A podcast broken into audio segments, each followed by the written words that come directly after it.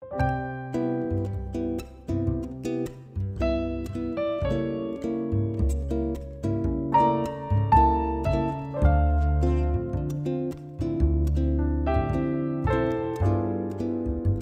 semuanya, balik lagi bersama Coffee Meet di podcast episode 4. Kita hari ini pengen belajar dan mengulik art of investing di private company versus public company. Bill, kita berdua kan termasuk investor aktif di dunia public company ya, Bill ya? Yep. Ya kan? Lu belum pernah kan invest di private company kan? Belum sih. Nah, gue juga. Nah, makanya teman-teman, maksudnya adalah kita berdua ini investor aktif di pasar saham perusahaan TBK yang teman-teman sekarang bisa beli dan lihat di IHSG. Hari ini kita pengen ngobrol-ngobrol sama anak muda nih yang super gokil. Udah investasi dari semuda apa gue nggak tahu. Dia invest di public company iya, di private company iya. Dari zaman gue masih main Dota nih kayaknya nih. Coba Bill, perkenalin aja Bill langsung Bill. Siapa nih orang ini Bill? Nah, ini kita sudah kedatangan anak muda jauh umurnya daripada kita teh. Kalau nggak salah umurnya tahun ini baru 22 tahun. Hmm. Ya, dia adalah seorang full time investor. Bisa lu bayangin ya, full time investor. Dia ngelola uang di yaitu di pub- di public company juga dan juga di private company. Nah, welcome Bro Fernando Eka Putra. Yo, halo Bill. Halo, Halo. Bro. Thank you banget udah udah mampir ke podcastnya Coffee Meet Stock nih ya. It's, it's itu gue yang harus thank you loh udah di Waduh, Eh, terhormat lu kita bisa ngundang. dulu umurnya Bill. Oh ya bener ya 22 tahun ini ya, Dok? Ya, gue tahun ini dua, eh, kelahiran 98. Benar. Gila. Gila, ya. 98 bro. Lahirnya aja pas krisis nih. Memanfaatkan momentum krisis dia. Iya, iya.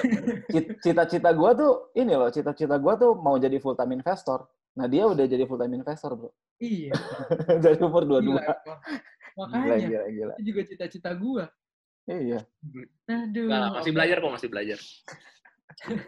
Nah ini ini Nah, bakal oke. seru banget nih kita kita kita nanya-nanya teh. Mm-mm. Gua nanya duluan deh ya, Bill. Boleh. Oke. Gue panggil Bro Nando deh ya. Boleh.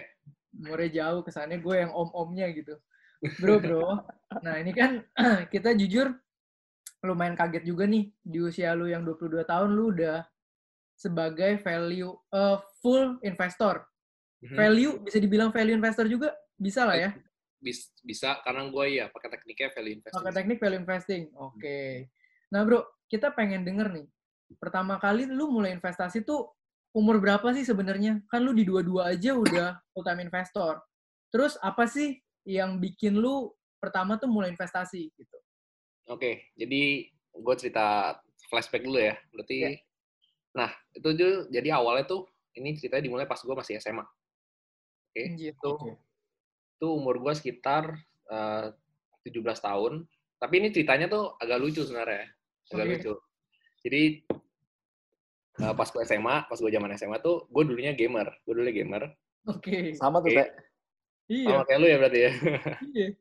Nah, gue tuh sempet ya, kalau kalau lu udah umur umur eh, 17, kalau gue 17 waktu itu udah SMA 3, kan lu udah mau masuk kuliah gitu kan. Betul. Nah, gue waktu itu lagi bingung mau mau pilih jurusan apa. Nah, Hmm. terus karena saking demennya gue sama komputer, karena gue gamer gitu ya, Oke. gue cari tuh kerjaan apa kalau bisa nggak lepas dari komputer, ya kan? Oke, oke. Nah, salah satunya muncul tuh saham, salah satunya muncul saham gitu kan. Nah, cuman biasanya kalau lu ketik saham, pasti muncul trading, bener gak? Iya. Bener kan? Nah, kurang lebih ceritanya gitu. Jadi pas gue umur 17, itu liburan SMA lah. Eh, liburan SMA ke kuliah, itu gue coba. Pertama kali gue terjun ke saham, tapi sebagai trader, bukan invest langsung. Selalu diawali dengan trading. Nah, jadi awalnya trading gitu ya. Umur 17 tahun, Gila Gila, ya muda jadi lu banget. ya. 17 tahun udah dalam liburan ke kuliah tuh berarti liburan 4 bulan yang biasanya dari April sampai September ya? ya liburan kurang 5 bulan itu ya? kurang, ya tiga setengah bulan, empat bulan ya bener. Gila, gila. Terus itu eh, udah mulai trading itu di umur-umur segitu? Iya, mulai mulai belajarnya awalnya pakai duit jajan atau sama duit angpau buat trading. Berarti udah money management dari zaman angpau ya? Iya, iya benar. Bro, boleh ceritain nggak bro? Pertama tuh lu trading gimana? Terus eh, kok bisa berubah arus haluan jadi value investor? Terus kira-kira eh, perusahaan apa sih yang dulu lu pernah beli dan misalnya menghasilkan gain yang oke gitu di usia-usia lu dulu tuh? Jadi awalnya kan gue trading tuh sempet coba kalau nggak gue nggak salah inget tuh sekitar gue mungkin trading sekitar enam bulanan, sekitar enam bulanan gitu ya. Hmm. Jadi awalnya gue masuk trading itu kan karena gue tertarik sama saham, tertarik sama saham. Kenapa? Karena ya pertama lu bisa kerja dari mana aja, ya kan? Ya, benar. Iya, Ya kan? Terus kalau lu sering ketik kata kunci saham nih gitu ya di internet pasti muncul tuh kata-kata financial freedom, benar ya? Iya, iya benar. benar. Nah, gue juga gue juga waktu itu pas usia 17 tahun itu gue termakan mimpi financial freedom. Oke. Oke. Nah, cuman setelah gue pelajarin lagi, definisi financial freedom sebenarnya kan money works for you gitu kan. Yep. Yep. Ya kan, money works for you. Jadi lu lu pun nggak usah kerja, tapi passive income lu dan nutup semua expense lu, benar ya? Betul. Nah, cuman di saat itu kan gue masih uh, menjadi masih jadi trader. Terus gue mikir, oh kalau emang financial freedom yang gue kejar itu definisinya money works for you, tapi kan sebenarnya kalau gue trading saham ini sebenarnya gue still works for money gitu kan? Iya, lu jadi aktif income bukan Iya. pasif ya. Iya, kalau gue nggak trade, ya udah, nggak gue ada duit gitu kan. Nah, Iya. sejak itu gue mulai cari-cari lagi kan di internet. Nah, muncul investing, muncul Oke. investing gitu kan. Nah, kebetulan juga waktu itu eh, gara-gara gue tertarik di saham, gue jadi emang sempat milih eh, kuliah jurusan finance di Prasmul. Pas lah ya. Ya.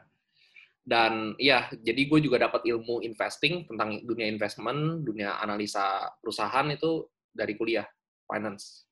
Oke. Oke, dan lu eh, lu berubah eh, shifting dari trader ke investor benar-benar karena lu berpikir tentang financial freedom itu atau memang di kuliah di Prasmul ya, Ya. tadi lu bilang itu lu diajarin investing akhirnya lu kayak memutuskan kayaknya investing lebih menarik daripada trading atau seperti apa?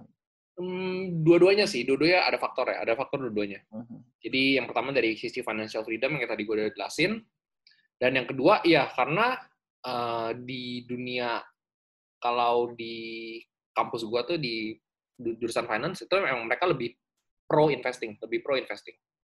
Nah Hmm. jadi kan karena gue udah terlanjur belajar ilmunya kan di kuliah, Ya. jadi kayak ah kenapa gue nggak coba gitu, Mhm. kenapa gue nggak coba. Nah jadi dari situ awalnya ya mulai pelan-pelan gue coba tuh gue shifting dari trading, kalau gue pindah ke investing tuh kayak gimana sih jadinya. Oke. Nah, cuman pas gue shifting itu, itu susahnya, susahnya susah banget. Susahnya susah banget. Karena mindset kan, mindsetnya beda. Pertama mindset, mindsetnya beda. mindset. Karena awalnya awalnya juga mindset gue masih jelek banget. Karena waktu itu gue belum belum pernah ikut kayak uh, uh, workshop atau baca buku tentang Ih, investing. bagus nih si si Nando nggak sebut-sebut merek apa pun. benar benar benar. Tapi gimana ya? Karena uh, waktu itu gue pure emang kayak oh gue pin coba pindah aja gitu. Jadi emang nggak ada nggak ada fondasi mindset, nggak ada cuma tahu cara cara nilai analisa perusahaan tuh kayak gimana. Memang kan yang paling penting menurut gue selama gue ada uh, jadi jadi investor gitu ya selama beberapa tahun ini, ya paling penting mindset gitu. Benar. Nah, jadi pas shiftingnya itu susah setengah mati. Iya, benar benar. Benar benar. Setuju. Gue merasakan apa yang gue rasakan juga soalnya.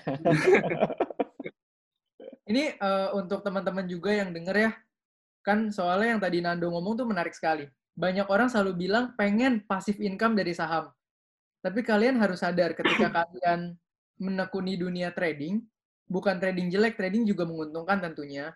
Tapi itu rananya udah active income. Jadi kalau dream kalian passive income, cobalah mengenal dunia investing. Gitu ya. Ya benar. Ya sebenarnya trading sama investing ya sama aja. Hmm. Itu kayak beda ya Metode satu aja. beda metode aja, beda beda aliran aja. Nggak ada yang jelek, nggak ada yang bagus. Ya. Semua ada plus minus. Nah, terus bro, nah gue mau nanya sendiri, pribadi juga mau nanya. Mhm. Bedanya analisa atau invest di public company and private company itu apa sih sebenarnya perbedaannya? Eh, maksudnya selain ini ya, kan kalau public kita tahu public itu sahamnya dijual, kita bisa eh, semua orang bisa beli gitu perusahaan TBK. Mhm. Private otomatis perusahaannya lebih tertutup untuk beberapa pihak aja. Nah, jadi sebenarnya ketika lu invest di public dan invest di private, perbedaan fundamentalnya itu di mana sih? Gitu. Perbedaan dasarnya tuh apa sih gitu? Jadi gue mau ngomong dulu sebelumnya. Jadi kayak sebenarnya itu gue baru gue terjun di dunia private investing tuh baru banget, baru setengah Oke. tahun terakhir. Oke. iya. Baru Baru setengah gua, tahun mau- gua baru mau tanya tuh, kok bisa lu dari uh, public company ke private Iya. company? Oke. Jadi kenapa gue tiba-tiba uh, pindah haluan gitu ya? Bukan pindah haluan sih, gue mencoba masuk ke dunia private investing. Ya. Karena gue punya gue punya goals lah. Karena gue punya goals, gue percaya kalau misal, eh gue pengen kalau misalnya ntar one day gue bakal masuk ke dunia ini gitu. Jadi kenapa gue mikirnya kayak karena waktu gue mikir juga karena saham gue belum belum timing yang tepat buat gue masuk di Iya. public company. Kenapa gue nggak coba uh, Ah. masuk ke private company karena waktu itu lagi ada opportunity juga gue lagi Oh. ada dapat offer gue di, eh, dikasih tahu ini ada offer kayak gini nih dari private company gini gini gini gini terus gue mikirnya ya udah karena one day gue akan masuk ke dunia private investing gue coba aja dari sekarang gitu tuh Oke. Oke. nah kalau perbedaan analisa ya kalau perbedaan cara investing public sama private itu sebenarnya hmm, kalau di case gue ya kalau di case gue tuh sebenarnya bedanya ini Hmm, kalau di private kalau misalnya lu mau investasi di public company yang saham-sahamnya yang udah IPO gitu ya, Ya. itu kan sebenarnya lu tinggal dengan mudahnya lu dapat akses datanya di eh, Di X lah. IDEX, ya, lu tinggal cari semuanya dan itu semua laporan udah lengkap full dari balance sheet, dari income statement, dari cash flow dan semua udah diaudit bener ya. Betul. Nah, kalau di case gue waktu itu pas gue invest di suatu perusahaan yang private company, eh, mostly due diligence-nya gue lakuin sendiri semua. Oke. Dalam eh, lingkupnya itu sampai mana?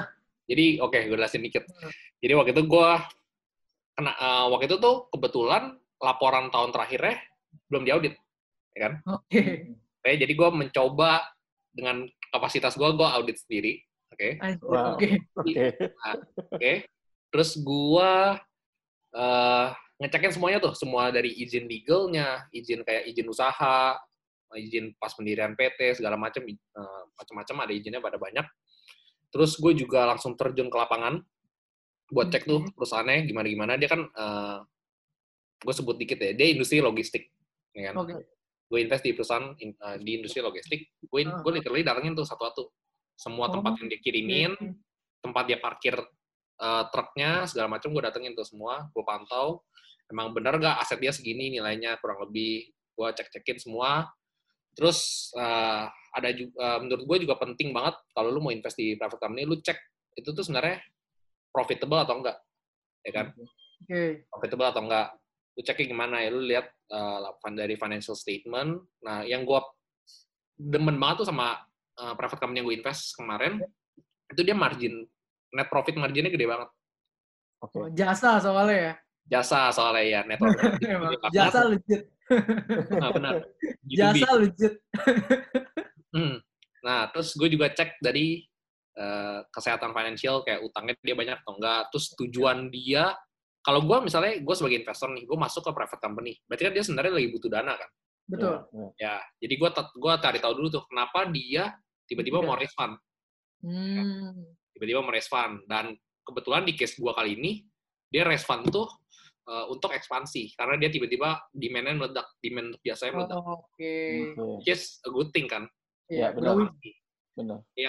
nah ya yang gua kurang demen mungkin kalau misalnya dia tujuan fund tuh buat bayar utang misalnya gue Iya. mungkin lebih lebih nggak tertarik gitu ya Iya, iya, iya, iya. Masa iya bayar utang minta ke lu ya? iya bayar utang gue invest buat apa gitu kan Oke. Bro, lanjut. Gue mau Hmm. nanya. Kalau public company kan bisa beli satu lot, bro. ya Ya kan? Orang bisa mulai investasi dari berapa lah harga sahamnya satu perakan per lembar juga ada ya. Satu lotnya berarti paling cuman puluhan ribu gitu ya. benar benar ada yang 50 Oh, perak berarti goceng doang ya Iya, gue Iya.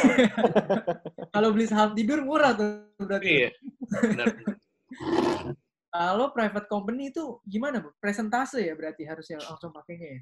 Eh, jadi sebenarnya ini di di semua jenis investasi gitu ya. Jadi investasi itu menurut gue cuma bisa dibagi jadi dua, antara Oke. debt atau enggak equity. Hmm. Ya kan? Oke.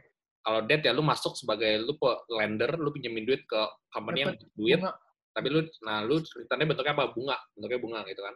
Atau enggak lu masuk sebagai equity. Lu jadi Oke. shareholder di sana dan lu dibayar berdasarkan dividen. Jadi dividen dikali persentase lu Oke. persentase kepemilikan. Nah, kebetulan yang gue masuk itu, case gue tuh sebagai debt. Eh, gue masuk sebagai uh, dalam bentuk debt, dalam bentuk utang. Oh, Oke. Oke.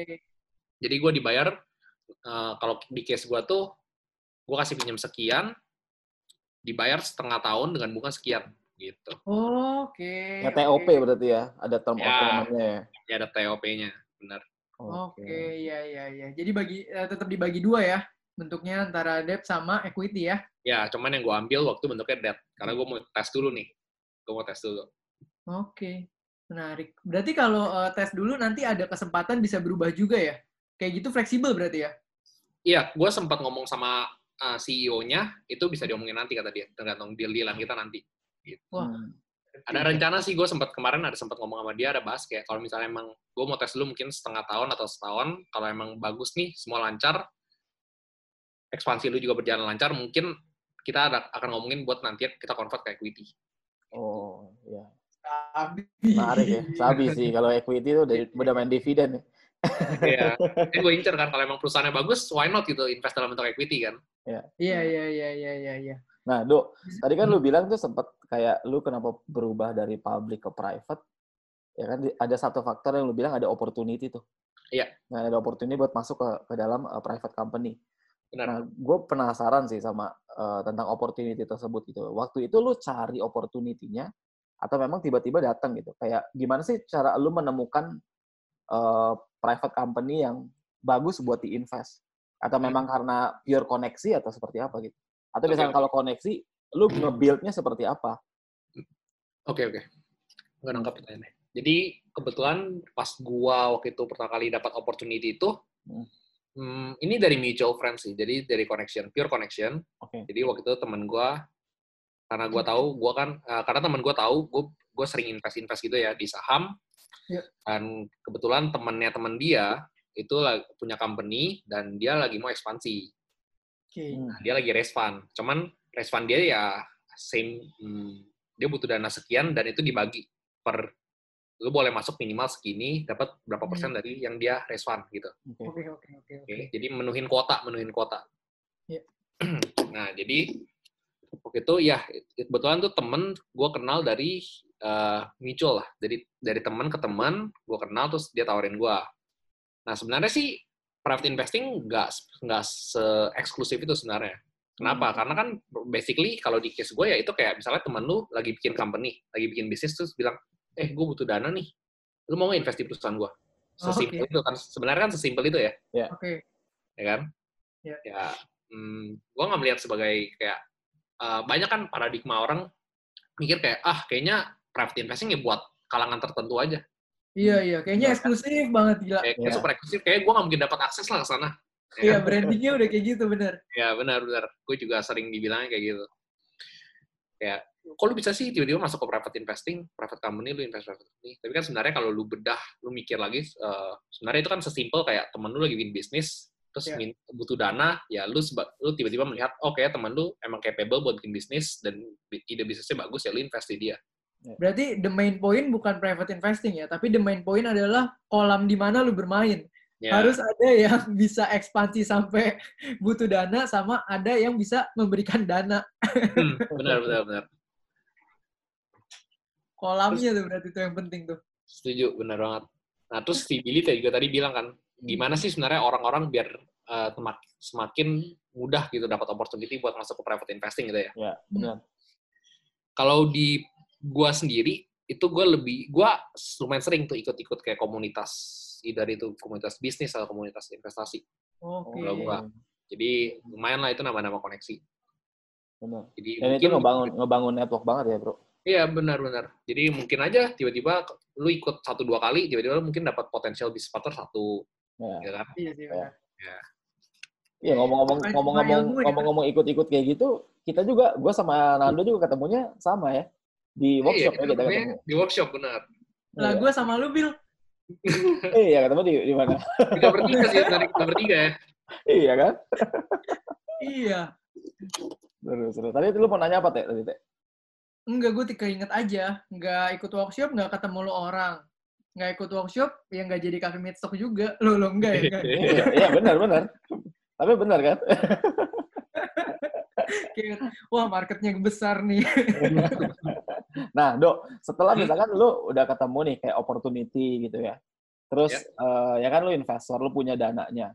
Terus tadi lu bilang juga kalau eh, investasi perusahaan di private company lu lihat bisa kita ambil bagian dari sisi jadi pemegang saham shareholdernya atau Ya. sebagai kita fokus ke kasih pinjaman dan nanti kita dapat return gitu ya. Terus Ya. tadi menarik banget pas lu ngomong lu kayak audit sendiri. Tapi Mhm. apakah cara membaca laporan keuangan public company itu sama dengan private company, Bro? Hmm, mungkin gue bisa Iya ya. Gimana, mungkin gue bisa bilang susunannya nggak sekompleks eh, eh, laporan yang ada di IDEX. Oh gitu ya? Iya, Oh, nah, iya. karena, karena kan mereka ya Startup. buat buatnya agak simpel ya menurut gue agak simpel Hmm. kayak adanya aja terus yang paling bedain ya itu Eh, kalau di laporan keuangan public company kan ada catatan kaki bener ya Iya. Iya. benar, benar. nah kalau di eh, private company nggak ada jadi kalau misalnya lu bingung nih oh ini dari mana aja nih misalnya eh, revenue-nya atau Hmm. enggak utang lu dari mana aja atau enggak aset lu tuh bentuk kayak gini-gini eh, misalnya inventory-nya dalam bentuk apa itu kan nggak ada penjelasannya semua ya Iya. itu lu gue langsung tanya ke waktu itu CEO-nya Nah, itu gue due diligence sendiri, gue research sendiri kayak, oh mereka dapat revenue dari sini, sini, sini, pembayarannya selama apa, piutangnya, bentuknya, tempo mereka paling lama kayak gimana, terus ntar ujung-ujungnya gue nilai nih cash flow-nya bagus atau enggak. Hmm. Cara cek cash flow gimana? Kalau gue waktu itu, gue cek, eh, mungkin lu pada punya bisnis lu tahu ya, jadi kayak, Iya. gue cek mutasi rekening koran 3 sampai 6 bulan terakhir. Iya. Oke. Nah, jadi dari situ kan kita bisa lihat kan sebenarnya eh, cash flow perusahaan itu bagus atau enggak 6 bulan Iya. terakhir yang waktu itu gue cek. Iya, dari Hmm. dari semuanya ya OCF-nya, ICF-nya, FCF-nya gitu ya. Lu Iya. lu ngecekin semua tuh. Eh, kebetulan di case gue dia nggak bikin cash flow statement. Jadi dari Oke. mutasi rekening koran, gue bikin sendiri tuh cash flow Manual statement dong. buatan gue. Manual gue Gila. manual. Gila. Jadi sebetulnya laporan laporannya nggak ribet tapi proses untuk analisa laporannya lebih ribet ya, Dok. Ya, tapi kalau misalnya kayak soalnya. kayak income statementnya gitu ya normal, normal. Maksudnya kayak se kayak pada umumnya, pada umumnya kayak Iya. di public company aja. Oke. Iya, iya, dan iya. iya. Berat- dan ya gimana? Eh, berarti eh, ibaratnya Nando itu bikin catatan kakinya sendiri. Iya, Ya, cuma- Dari research. Ya, cuman nggak sekompleks yang ada di Dex lah. Iya, iya, iya, iya. ya iya. beda kerjaan auditor itu ya. nah Iya, kalau rasio-rasio keuangan sendiri, Dok, lu pakai nggak, Dok? Kalau di private company. Kalau kita kan ya biasa di public company, ya lu, lu pun kan investor di public company. Itu terbiasa menggunakan rasio-rasio keuangan gitu ya. Rasio-rasio kesehatan per- eh, keuangan segala macam. Nah itu lu Hmm. pakai juga nggak? Lu analisa pakai itu nggak? Hmm, mungkin rasio gue nggak pakai banyak banget. Jadi kalau misalnya di biasa lu kalau misalnya eh, dengar rasio-rasio di private investing itu kan biasa cenderung lebih ke startup, bener ya? Mhm. Jadi kalau ya. misalnya eh, yang ada di gambaran gue sih biasa orang nanya kayak eh, rasio-rasio kalau yang sering dipakai di private investing itu apa sih? Biasa tuh mereka langsung mikirnya kayak oh rasio-rasio kompleks yang kayak misalnya eh, lu big, lu mau invest di startup ya butuh rasio apa-apa aja. Hmm. Sedangkan kalau misalnya di case gue itu kan perusahaan logistik, itu nggak ada nggak ada teknologi sama sekali. Jadi ya perusahaan konvensional, rasio-rasio yang gue pakai itu rasio-rasio eh, keuangan pada umumnya. Kayak misalnya, kayak tadi gue bilang, kenapa gue tertarik misalnya kayak net profit marginnya tinggi, Hmm, berarti NPM gitu ya. PM, Heeh. terus eh, karena dia kan eh, dia kan raise fund sebagai utang gitu ya, dia raise fund bentuknya utang, dia ngutang sama investor. Gue cek nih eh, kalau misalnya kalian familiar dengan rasio eh, interest coverage ratio. Ya. Jadi seberapa kuat earnings dia buat bayar utang, buat bunga dari utang, gitu Iya. kan? Nah, jadi di eh, income statement dia, gue include tuh, gue tambahin bunga utang dari eh, duit yang dia raise fund. Oke. Oke, jadi kira-kira bagus gak tuh? Habis dia raise fund, masih bagus gak? Gitu. See. Itu rasio-rasio yang gue pakai sih. Nggak, nggak banyak dan nggak kompleks kok sebenarnya. Iya. Berarti kurang lebih mirip-mirip lah itu ya. Mirip-mirip, mirip-mirip. Kecuali kalau misalnya kalian invest di perusahaan teknologi, nah itu baru whole Iya, different ratio. ya. Ya, kompleks, kompleks. Harus nanya. Nazir. ya.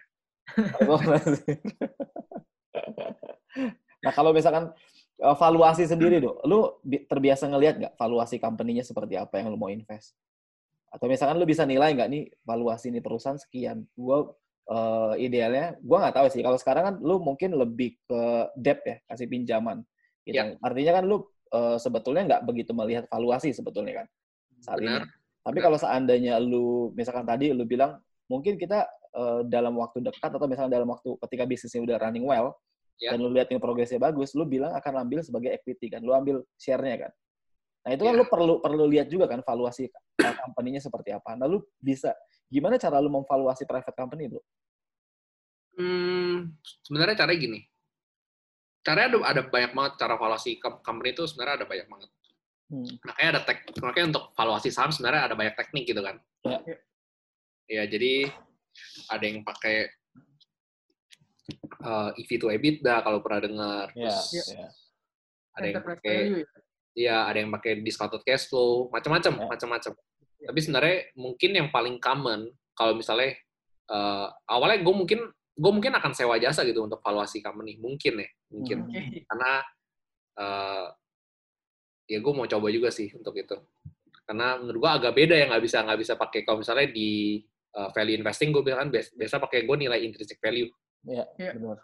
Gua nilai intrinsic value tapi kan sebenarnya uh, tapi gue sebenarnya kalau intrinsic value mungkin gue akan coba juga di private company.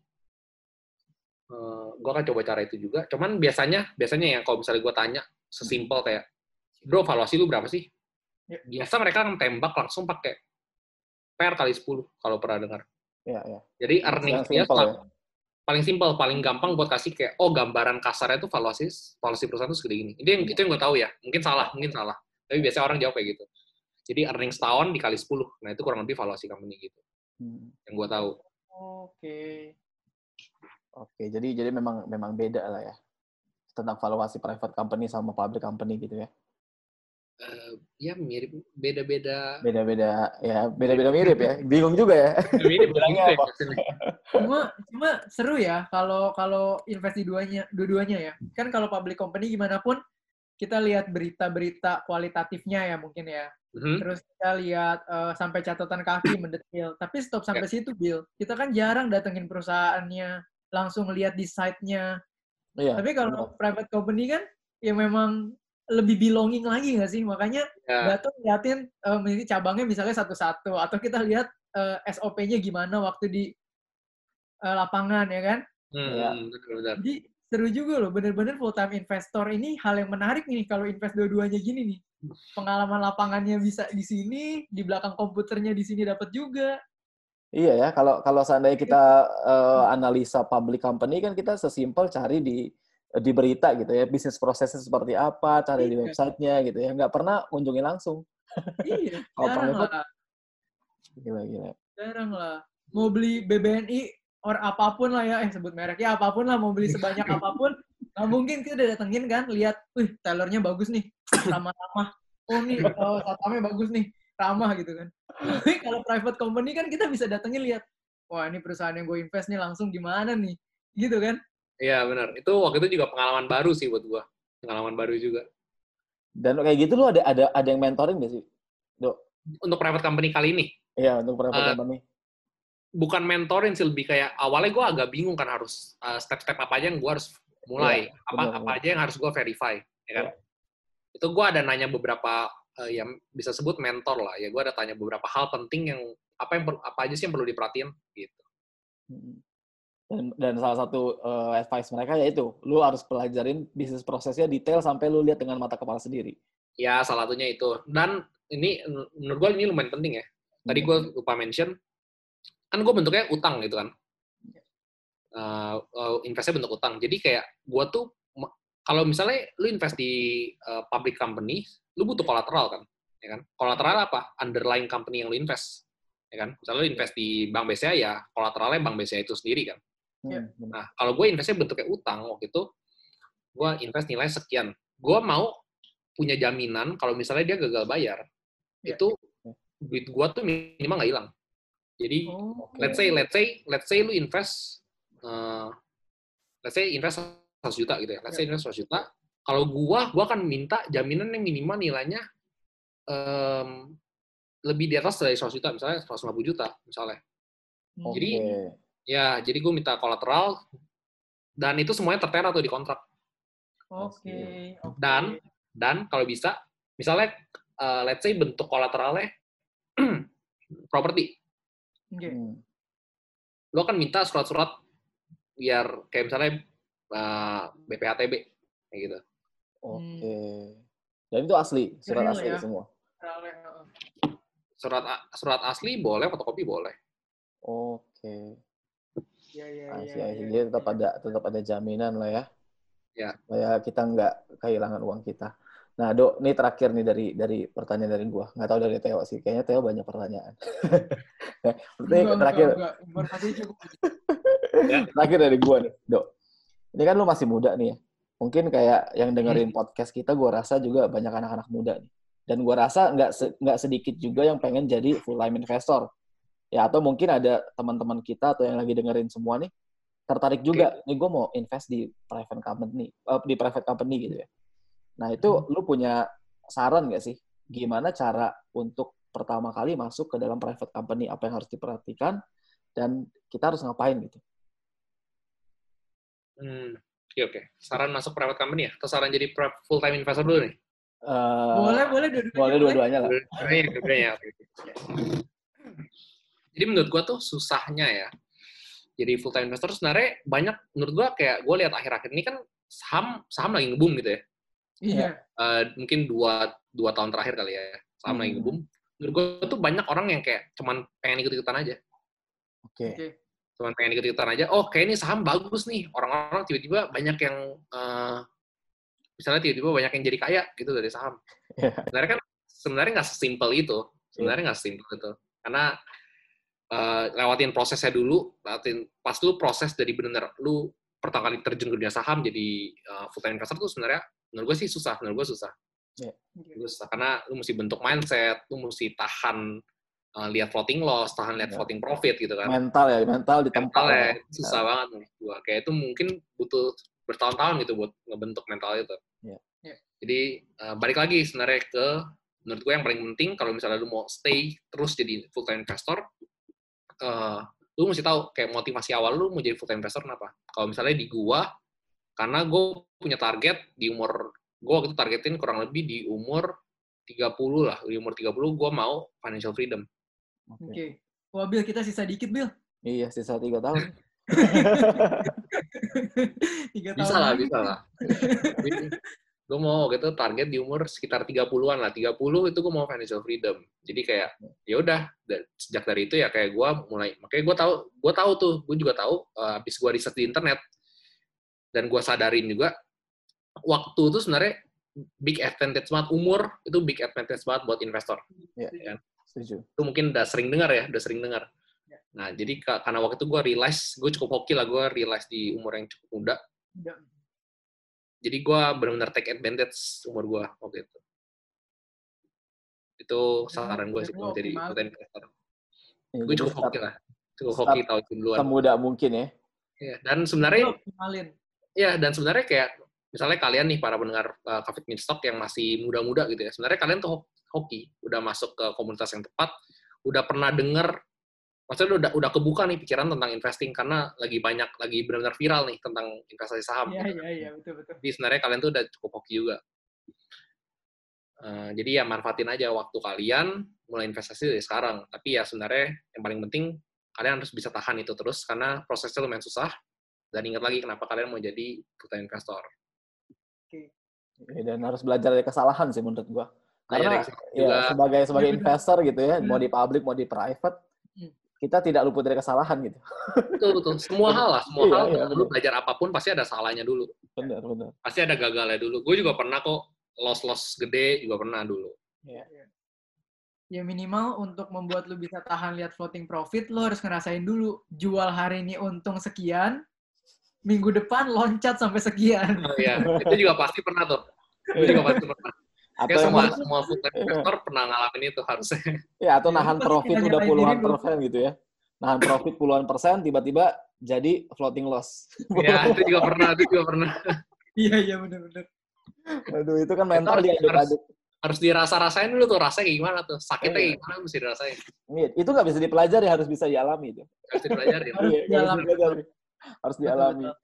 Nah, untuk untuk saran untuk uh, teman-teman yang mau masuk private company, bro, misalkan mau mau Private invest company di ya? uh, private, uh, Um, mungkin lebih saran ke um, mungkin kendalanya gini, kendalanya mungkin kayak peluangnya tuh nggak nggak mereka tuh kayak mungkin ke, uh, apa ya sebutannya? Nggak dapat peluangnya mungkin ya? Hmm, mungkin nggak ke expose sama peluangnya kali ya? Betul. nggak ke expose sama peluangnya. Menurut saran dari gue sih uh, sering-sering aja ikut komunitas komunitas either itu komunitas bisnis atau komunitas investasi. Um, nah dari situ ntar kalian bakal ketemu tuh orang-orang yang dengan mindset yang sama, ingin belajar juga, ingin buka bisnis juga. Uh, siapa tahu dari situ kalian dapat potential bisnis partner atau enggak misalnya ada orang mau buka bisnis cuma lagi cari dana kan bisa aja kan. Iya, iya, Ya. iya. Oke, Bill, Iya. ada yang mau tanya lagi nggak? Terakhir, terakhir. Ini terakhir, terakhir benar-benar terakhir.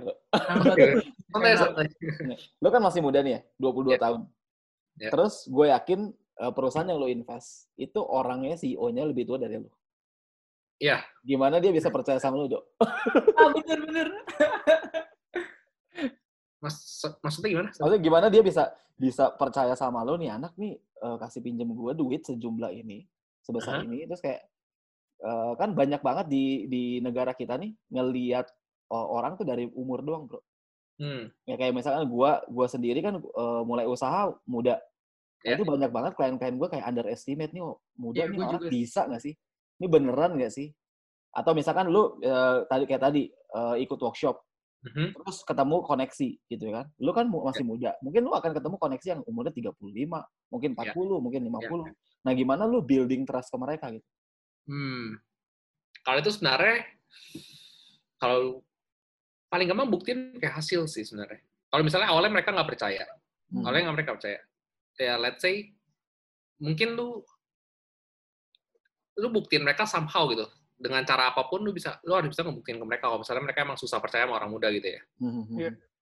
Nah, cuman kalau misalnya di case lu masuk ke private investment kayak gua, kayak eh, dia CEO emang umur lebih tua, gua lebih muda sebagai peminjam dana. Cuman ya, gue kan kelihatan tuh cara misalnya kayak dia akan nilai gue, oh ini anak beneran ngerti atau enggak sih sebenarnya, Ya, ya kan? Dan itu gue bisa bilang, ya gue proofnya ya dengan cara gue due diligence itu emang menurut gue yang lumayan detail. Jadi gue buktiin ke Oke. dia nih, gue gua lumayan ngerti di bidang ini, Hmm. dan sebelum gue invest ke lu ya, gue nggak nggak nggak asal taruh duit aja langsung. Iya. Kan gue akan lakuin akan analisa perusahaan lu bagus atau enggak, Oke. kondisi perusahaan lu gimana gimana gimana, gitu.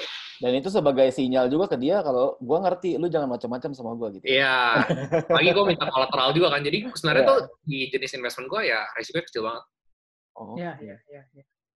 iya. Karena dia lihat juga kan Nando confidence, terus eh, yang dibicarakan di fieldnya expert juga maksudnya gitu loh, bukan yang asal sembarangan.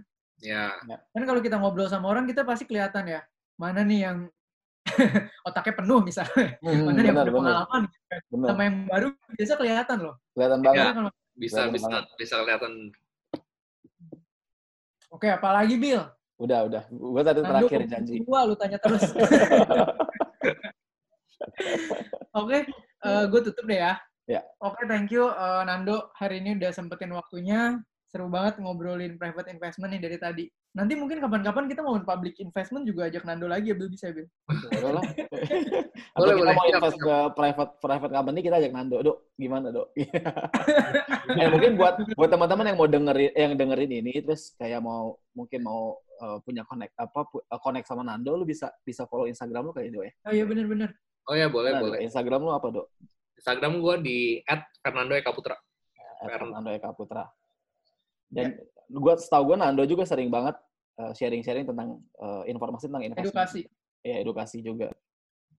Gitu ya. Gue juga sering bacain dan belajar.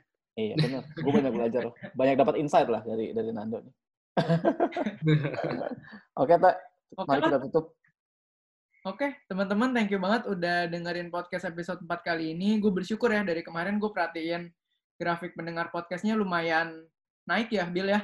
Ya, Udah ada beberapa ratus yang dengerin. Apalagi yang kemarin juga sempat ada Kak Ernest juga ya. Eh, teman-teman, thank you udah dengerin dan terus mendengarkan ya, karena setiap episode kita, kita akan kasih edukasi-edukasi yang baru. Mari kita berkembang dan belajar sama-sama jadi investor sukses. Bye! Bye. Bye.